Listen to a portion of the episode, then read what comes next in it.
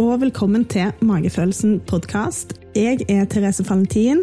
I podkasten snakker jeg og superinspirerende damer om hvordan vi kan være oss sjøl i den tiden vi lever i. Hvordan vi kan finne ut hva vi faktisk ønsker å gjøre, hva vi bryr oss om.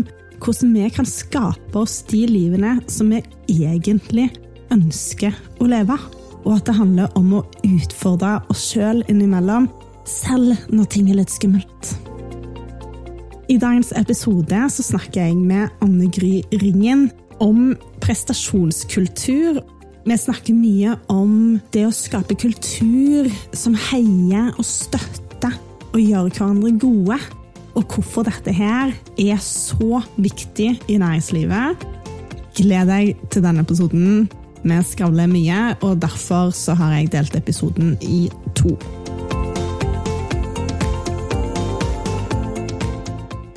Som jeg sa innledningsvis, så ønsker jeg jo å gjøre verden til et bedre sted. Og hvis man ser i dag på de nyeste rapportene innenfor FN og òg politiets trusselvurdering for 2022, så viser det en forventa økning i antall aktører som faktisk mishandler og utfører overgrep mot dyr og barn. Konsekvensen av pandemien og nedstenging og økonomi har påvirka mennesker og gjort at vi i dag lever og har levd under et sterkt press de siste årene. Og arbeidsplasser er høyest positivt korrelert med atferden på og etter jobb. Så jeg mener da at klarer vi positivt å endre arbeidssituasjonen, så vil det òg ha en positiv innvirkning på voldsstatistikken. Så det er utrolig viktig at det får en positiv effekt på mennesker. Og vi vet òg at folk som gleder seg på jobb og har det fint på jobb, de har det generelt òg bedre etter på jobb. Hjelpe med å skape sterkere mennesker. Hjelpe med å skape sterkere mennesker og gladere mennesker. Mm. Folk som er, har det bedre. Hvis du går rundt på jobb og føler deg stressa, eller har en mm. sjef som ignorerer deg, eller i verste av alt ikke ser deg, eller ikke ser det du bidrar med, eller kanskje latterliggjør deg, eller mm. truer deg òg, så vil det absolutt ha en negativ effekt på deg som menneske, og på din livsglede. Som igjen gjør at du er kanskje ikke et glansbilde heller når, kommer, når du kommer hjem. Ja, det å være mentalt sterk, det er så viktig. Fordi at jeg har folk rundt meg som jeg føler meg trygg på jeg har lært meg teknikker for å hjelpe meg sjøl med å ha det bra. da.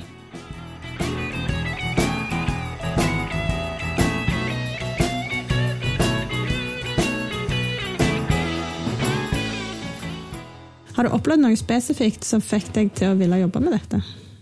Ja, altså jeg kommer jo fra en eh, familie hvor det er mye politi og mye gründere. Og jeg har òg bodd ca. tolv år i utlandet og reist eh, mye. Vært på besøk eh, både på mm, fine områder og i, i mindre fine områder.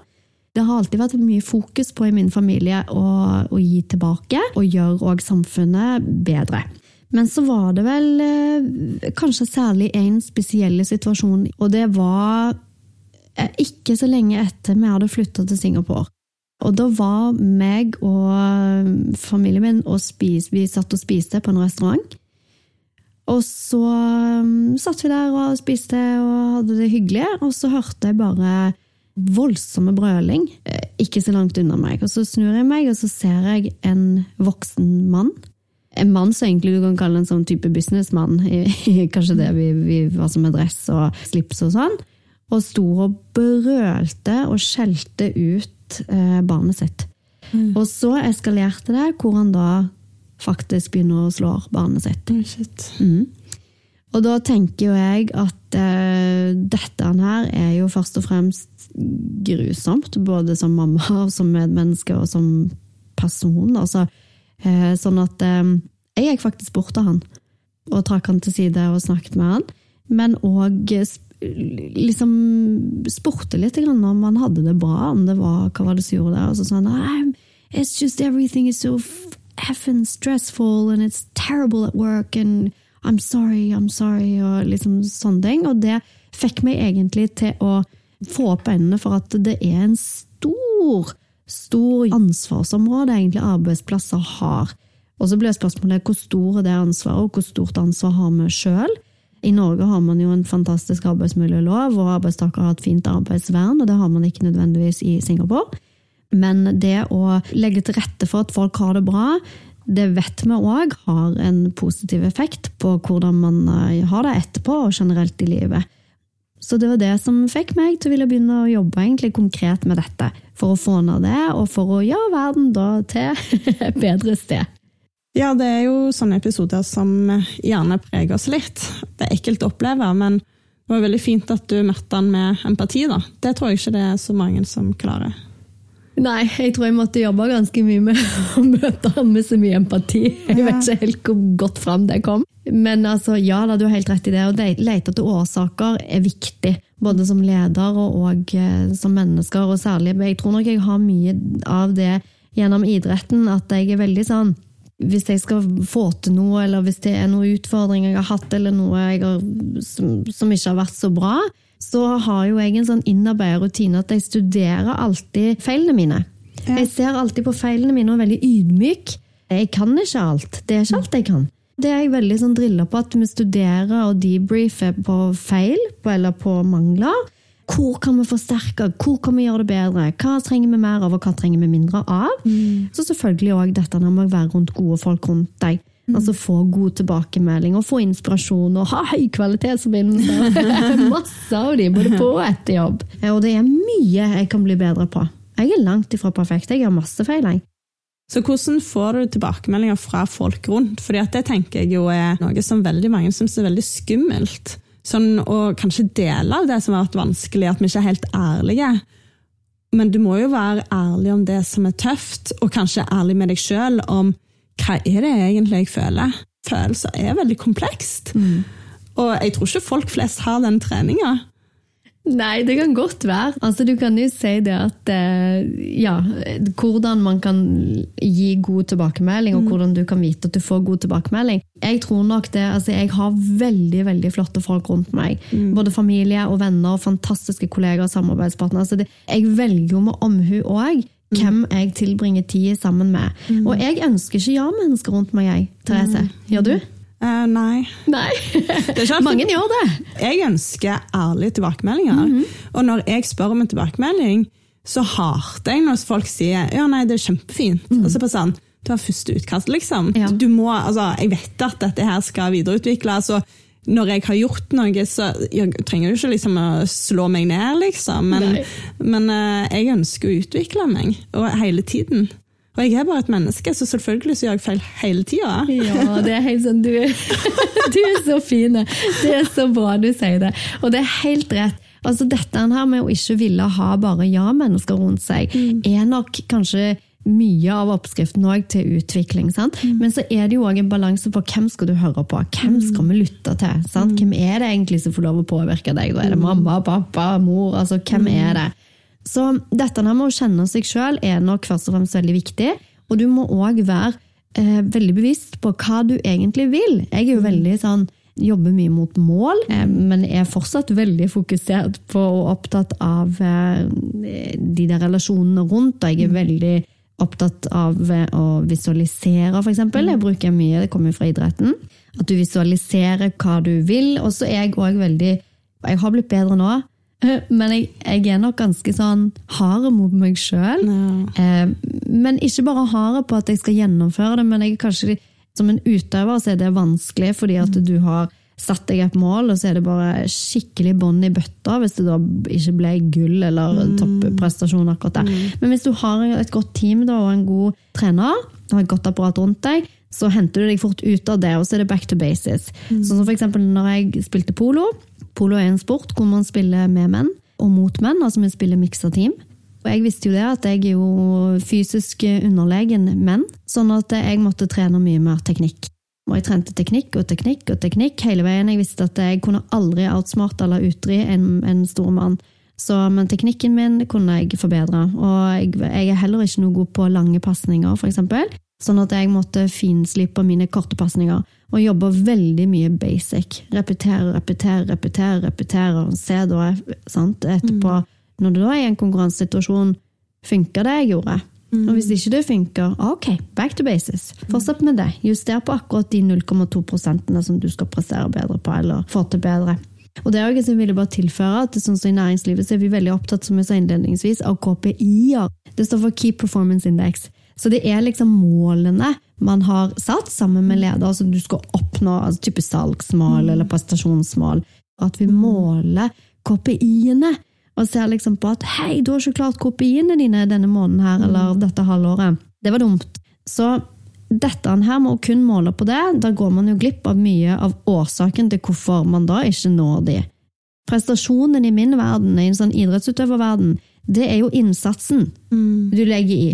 Innsatsen du legger ned hver dag, arbeidsinnsatsen, altså selve atferden din knytta til den oppgaven som du skal utføre. Det er det ledere må bli bedre på å måle, mm. og ikke bare måle sluttresultatet. For Hvis du sier til en langrenns- eller en, ja, en skiskytter altså, ja, du klarte ikke gullet denne gangen, eh, kjære utøver, mm. så det må du få til neste gang. Ja, men det er jo ingen som forteller han eller hun hvordan, eller hvordan underveis, eller hvordan kanskje jeg skal legge inn to-tre timesøkter der i en oppkjøringsfase, eller kanskje kostholdet mitt må forbedres. Og så kan det jo faktisk være i bedriftslivet at det å ikke nå det målet mm var bra, fordi at han fokuserte på det som var viktig, mm. og at det kom noe opp som gjorde at det målet burde kanskje utsettes, mm. eller at det var ting internt i bedriften som gjorde at det var umulig å nå det målet. Og da er det utrolig demotiverende for den personen som egentlig har gjort en veldig bra jobb, og gjort det rette, og da er egentlig får tyn for det. Ja, det er så, ja, det er så riktig! Forutsetningene du har. Ja, ja, ja. Og det er jo der ofte ledere eller organisasjoner altså Hvis du ser på forskning òg i dag, så er det jo sånn at det, jeg tror det er 90% av alle HR-ledere og ledere i dag de er misfornøyde med det prestasjonsmålingssystemet som finnes. Mm. Og bare for sånt det er sagt, det er ikke sånn vi jobber. Vi sitter ikke med noen ark sånn at du skal liksom se på ok, her scorer du norm under norm og over norm, mm. og så legger du sammen alle de tallene eller, eller, de prestasjonsindeksene på, i løpet av et halvår eller kvartal, mm. eller når du måler, og så presenterer du det for medarbeideren din på kontoret ditt eh, mm. da en gang. Og så, så går vi gjennom, og så ser lederen at ok, her skårer du under norm, her skårer du over norm, her skårer du sånn middels. Altså, og så legger vi sammen det til en sluttsum, og det påvirker da bonusen din eller dine videre utviklingsmuligheter, eller om du skal rykke opp i altså stillinger, altså de, de tingene som er, som er, relevante for den bedriften. Og det er fryktelig demotiverende, mm. for du får ikke hjelp underveis hvordan du skal få det til bedre. Du mm. får bare et, et resultat, et ark, liksom, kleist i mm. fleisen, og så bare sorry. Mm. Men sånn ble det nå, av at du faktisk leverer ikke til det som du skal levere til. Så det å ha fokus heller på den utviklingsprosessen, altså prestasjonsutviklingsledelse, istedenfor bare sink or swim on your own, er veldig ineffektivt og har veldig unøyaktige data. Og så kommer det an på hvem er som måler deg. Mm. Og hvem er du blir sammenligna med? Hvorfor blir du sammenligna med kollegaen din som har fem andre år i bransjen, eller som er utadvendt? Altså, mm. Det er helt andre parametere her, og der har HR en lang, lang vei å gå, mener jeg.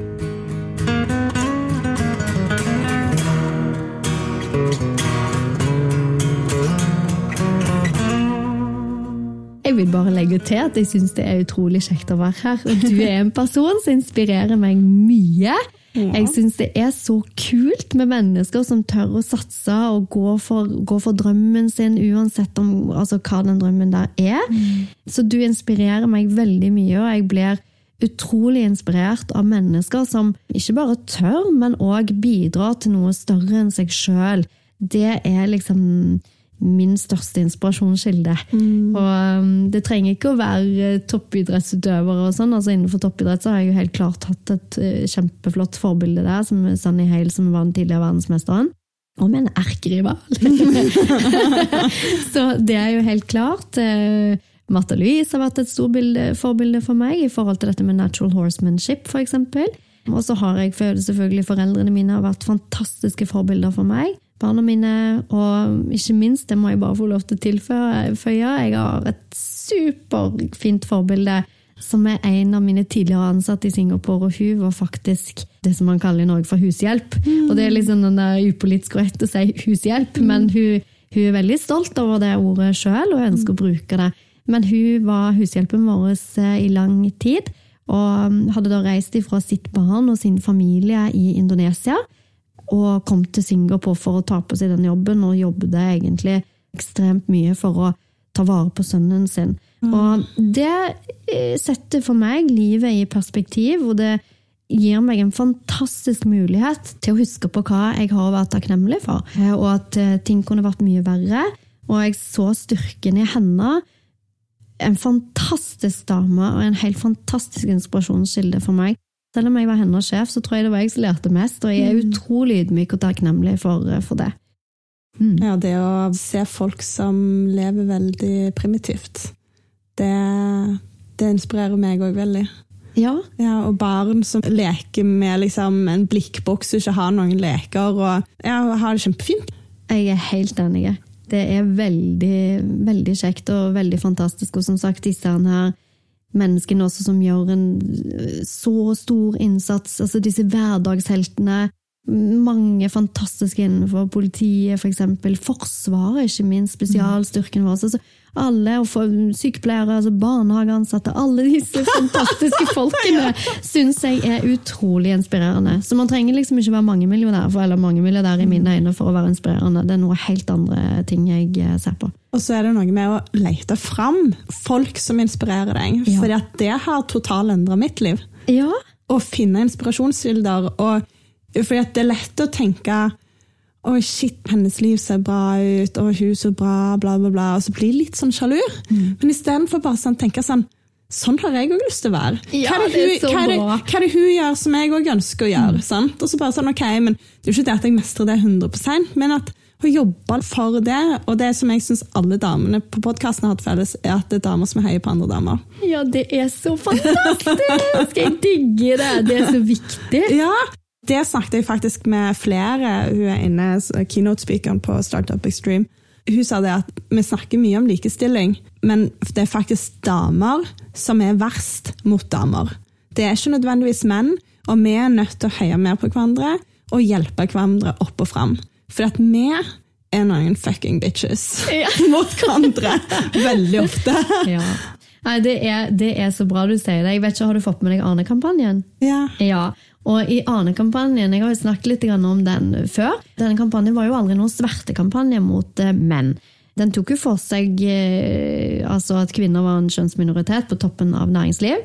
Og egentlig første delen i et stort endringsprosjekt her i Norge, som er litt sånn uformelt. Og der er det viktig for meg å understreke at eh, altså, kvinner Ja, du har helt rett i det. Menn må hjelpe kvinner. Kvinner må hjelpe kvinner. Og så kommer egentlig kanskje det aller viktigste, det er at kvinner må hjelpe seg sjøl. Ja. Dette her å tørre, det å være rundt gode folk, det mm. å gå for gullhistoriene. Jeg sier til, jeg sier til dattera mi se for deg sant, at du er en kolibri. Hvor er det kolibrien går henne? Det er jo der hvor honningen er! Sant? Altså, hvor sukkervannet er. Mm. Fly der heller. Gå til de plassene. Gå til de folkene, til de stedene hvor du blir vitalisert, hvor du får den nektaren sant, som mm. kolibrien er så opptatt av. Og det, jeg skal love deg, da begynner vingene dine å flakse. Ja. så det er et ansvar vi har sjøl òg, og ikke outsource det til alle andre for at alle andre skal tilrettelegge for oss kvinner, men òg være bevisst det ansvaret sjøl. Det, det er jo podkasten din eh, virkelig med på å få fram. Jeg er supertakknemlig for det, Therese. Så bra. Ja. Å puste inn i ubehaget fordi at det er skummelt. Puste og, magen. Ja, og det merka jeg sånn senest i går. Jeg husker ikke helt hva det var, men jeg bare kjente sånn Oi, dette er litt ubehagelig. Hvorfor utsatte jeg meg for så mange ting som jeg er redd for? Og så gikk jeg og satte meg ved siden av en kant, og der var det ganske bratt ned. Og så kikket jeg ned, og så tenkte jeg Oi, jeg pleide å ha høydeskrekk. Mm. Og nå gikk det helt fint å sitte der. Men jeg har pusta meg gjennom det, og jeg har utsatt meg for høyder, og nå gikk den over. Og sånn er det med alt i livet, at ja, ting kan være sykt skummelt, men gjør det likevel. Snakk med folk som kan hjelpe deg gjennom det. Kjenn på det der ubehaget, anerkjenn at det er der, og bare pust gjennom det. Det minner meg om uh, mor mi, faktisk. Og, altså, når jeg var ung, så hadde jeg mye prestasjonsangst. Jeg likte ikke å verken ha eh, prøver på skolen eller være i konkurransesituasjon det er veldig viktig for oss som er foreldre. Man skal jo absolutt motivere barna sine til å, til å bli den beste utgaven av seg sjøl. Det var jo flere ganger jeg tapte mye da jeg var ung som sprangrytter. Og jeg husker mor mi alltid sa det at nå må du puste med magen. Fordi at eh, jeg bryr meg ikke om om du vinner 60 gullmedaljer eller får 60 førsteplasser eller null. jeg er uansett kjempeglad i deg. Og det er det som er det viktigste, og det trenger barn å høre. Jeg er glad i deg uansett hvordan du presterer, men la meg hjelpe deg. La oss finne ut av det sammen. Ja, det er en ubehagelig følelse, Ja, og men det går greit. det. Men ja. det er greit å, å kjenne på litt ubehag. Men jeg er her med deg gjennom det ubehaget. Mm, det er så viktig. Ubehag det er jo bare en følelse, og følelser er jo ikke farlige. Nei. Jeg var veldig opptatt av i, i idretten sant? at det er følelser og følelser. Det er derfor vi har fantastiske sportspsykologer eller idrettspsykologer som jobber med dette her. Hvordan i all verden skal du klare å fjerne den støyen når det står tusenvis av folk og brøler og roper? Og ikke nødvendigvis på deg, men på konkurrentene dine. Hvordan i all verden skal du klare å sile ut det? Så vi har jo etter hvert eh, fått god trening i det, men det er jo som jeg sier, selv om det blir en innarbeida rutine, så er det en ferskvare, det òg. Og det å være bevisst på det, og, og som sagt, gå etter nektaren, og liksom tenke også at det, det er ikke så farlig heller hvis du tryner noen ganger. Øv deg på å legge vekk egoet, sant? og tenke eller på hvordan kan jeg eh, hjelpe andre, først og fremst. Så tror jeg mye kommer av seg sjøl.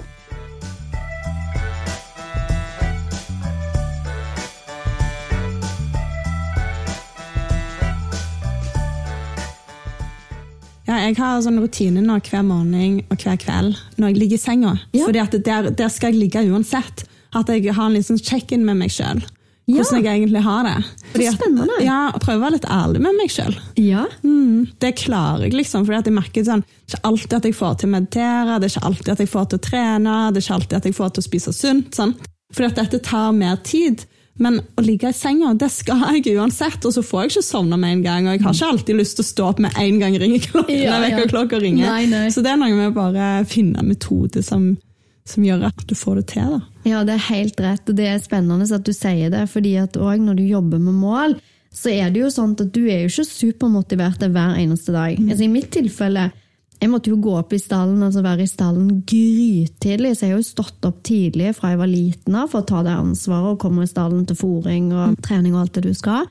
Men det å, å ha gode rutiner på det, og òg visualisere for deg, sant?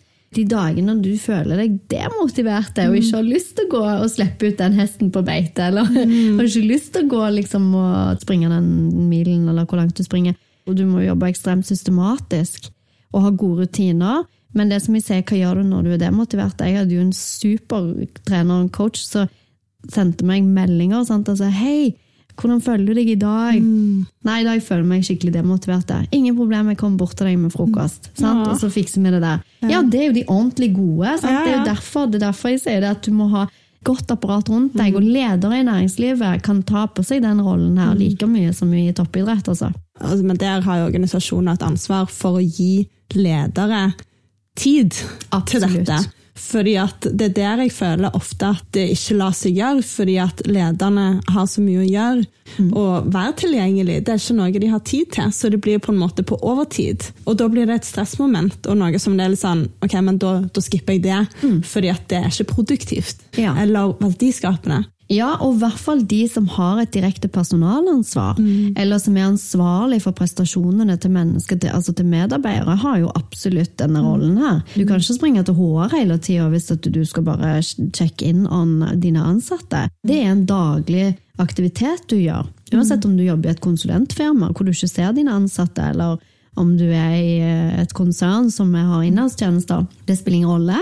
Der har man jo òg en forpliktelse gjennom arbeidsmiljøloven at man skal følge de opp. Men så blir det jo òg, som du sier, hva for et nivå. På veldig mikronivå, eller hvordan skal du forvalte det. Og så må ledere også være kanskje bedre til å delegere, da. Ikke sant? Vekk Ja. andre ansvar og være god på det, og se sin egen begrensning. Så det kan 100 fikses opp i, og trenes opp! ja. Det er der vi kommer inn! Så gøy. Ja.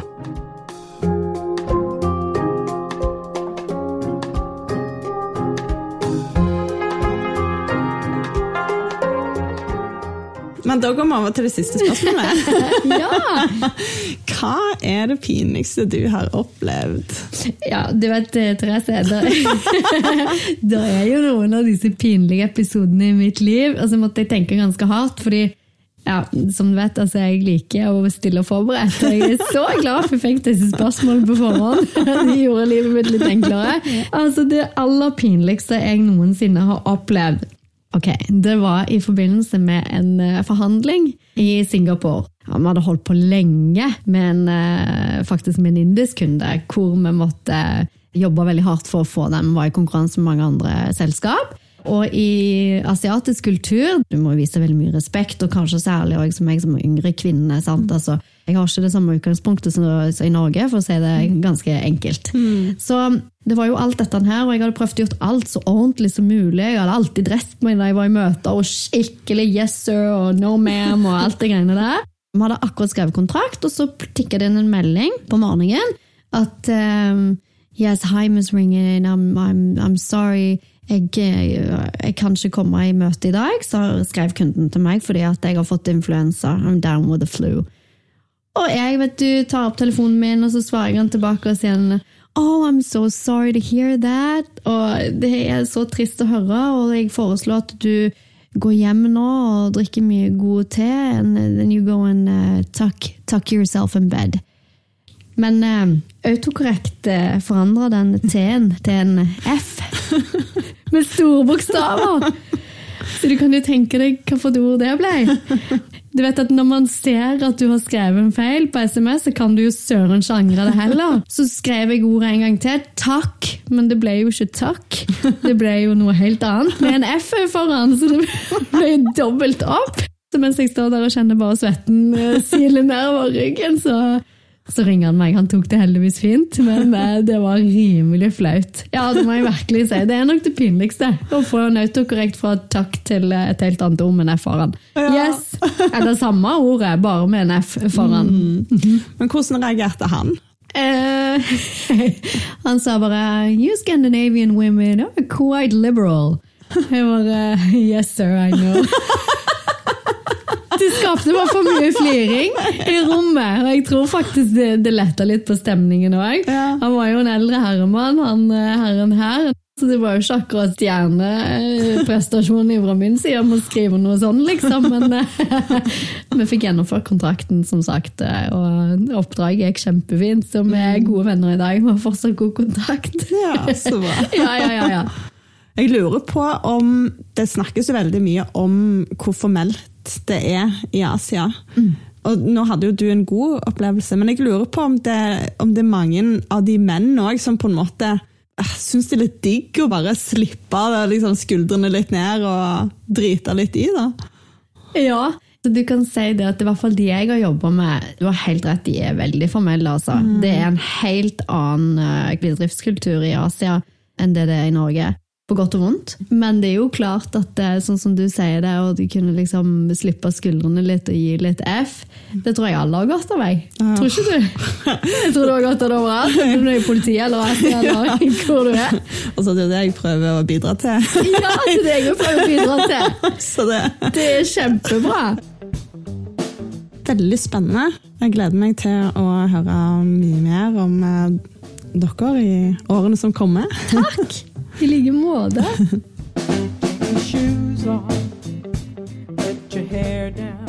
Hvis du likte denne her episoden, så håper jeg at du ønsker å lytte til noen av de andre episodene mine, som ligger overalt der du kan lytte til podkast, og at du legger igjen en tilbakemelding eller en stjerne på Apple Podkast, sånn at jeg kan nå ut til enda flere med disse fantastiske historiene til disse damene. Og hvis du er nysgjerrig på meg, så kan du finne meg på Instagram. Der heter jeg magefolsen.podkast. Og så har jeg òg en hjemmeside hvor det står litt om meg. Den heter magefolsen.com. Det var alt for meg i dag. Lag deg den dagen du ønsker å ha i dag, etter de behovene som du faktisk har. Vi snakkes! With your imagination You can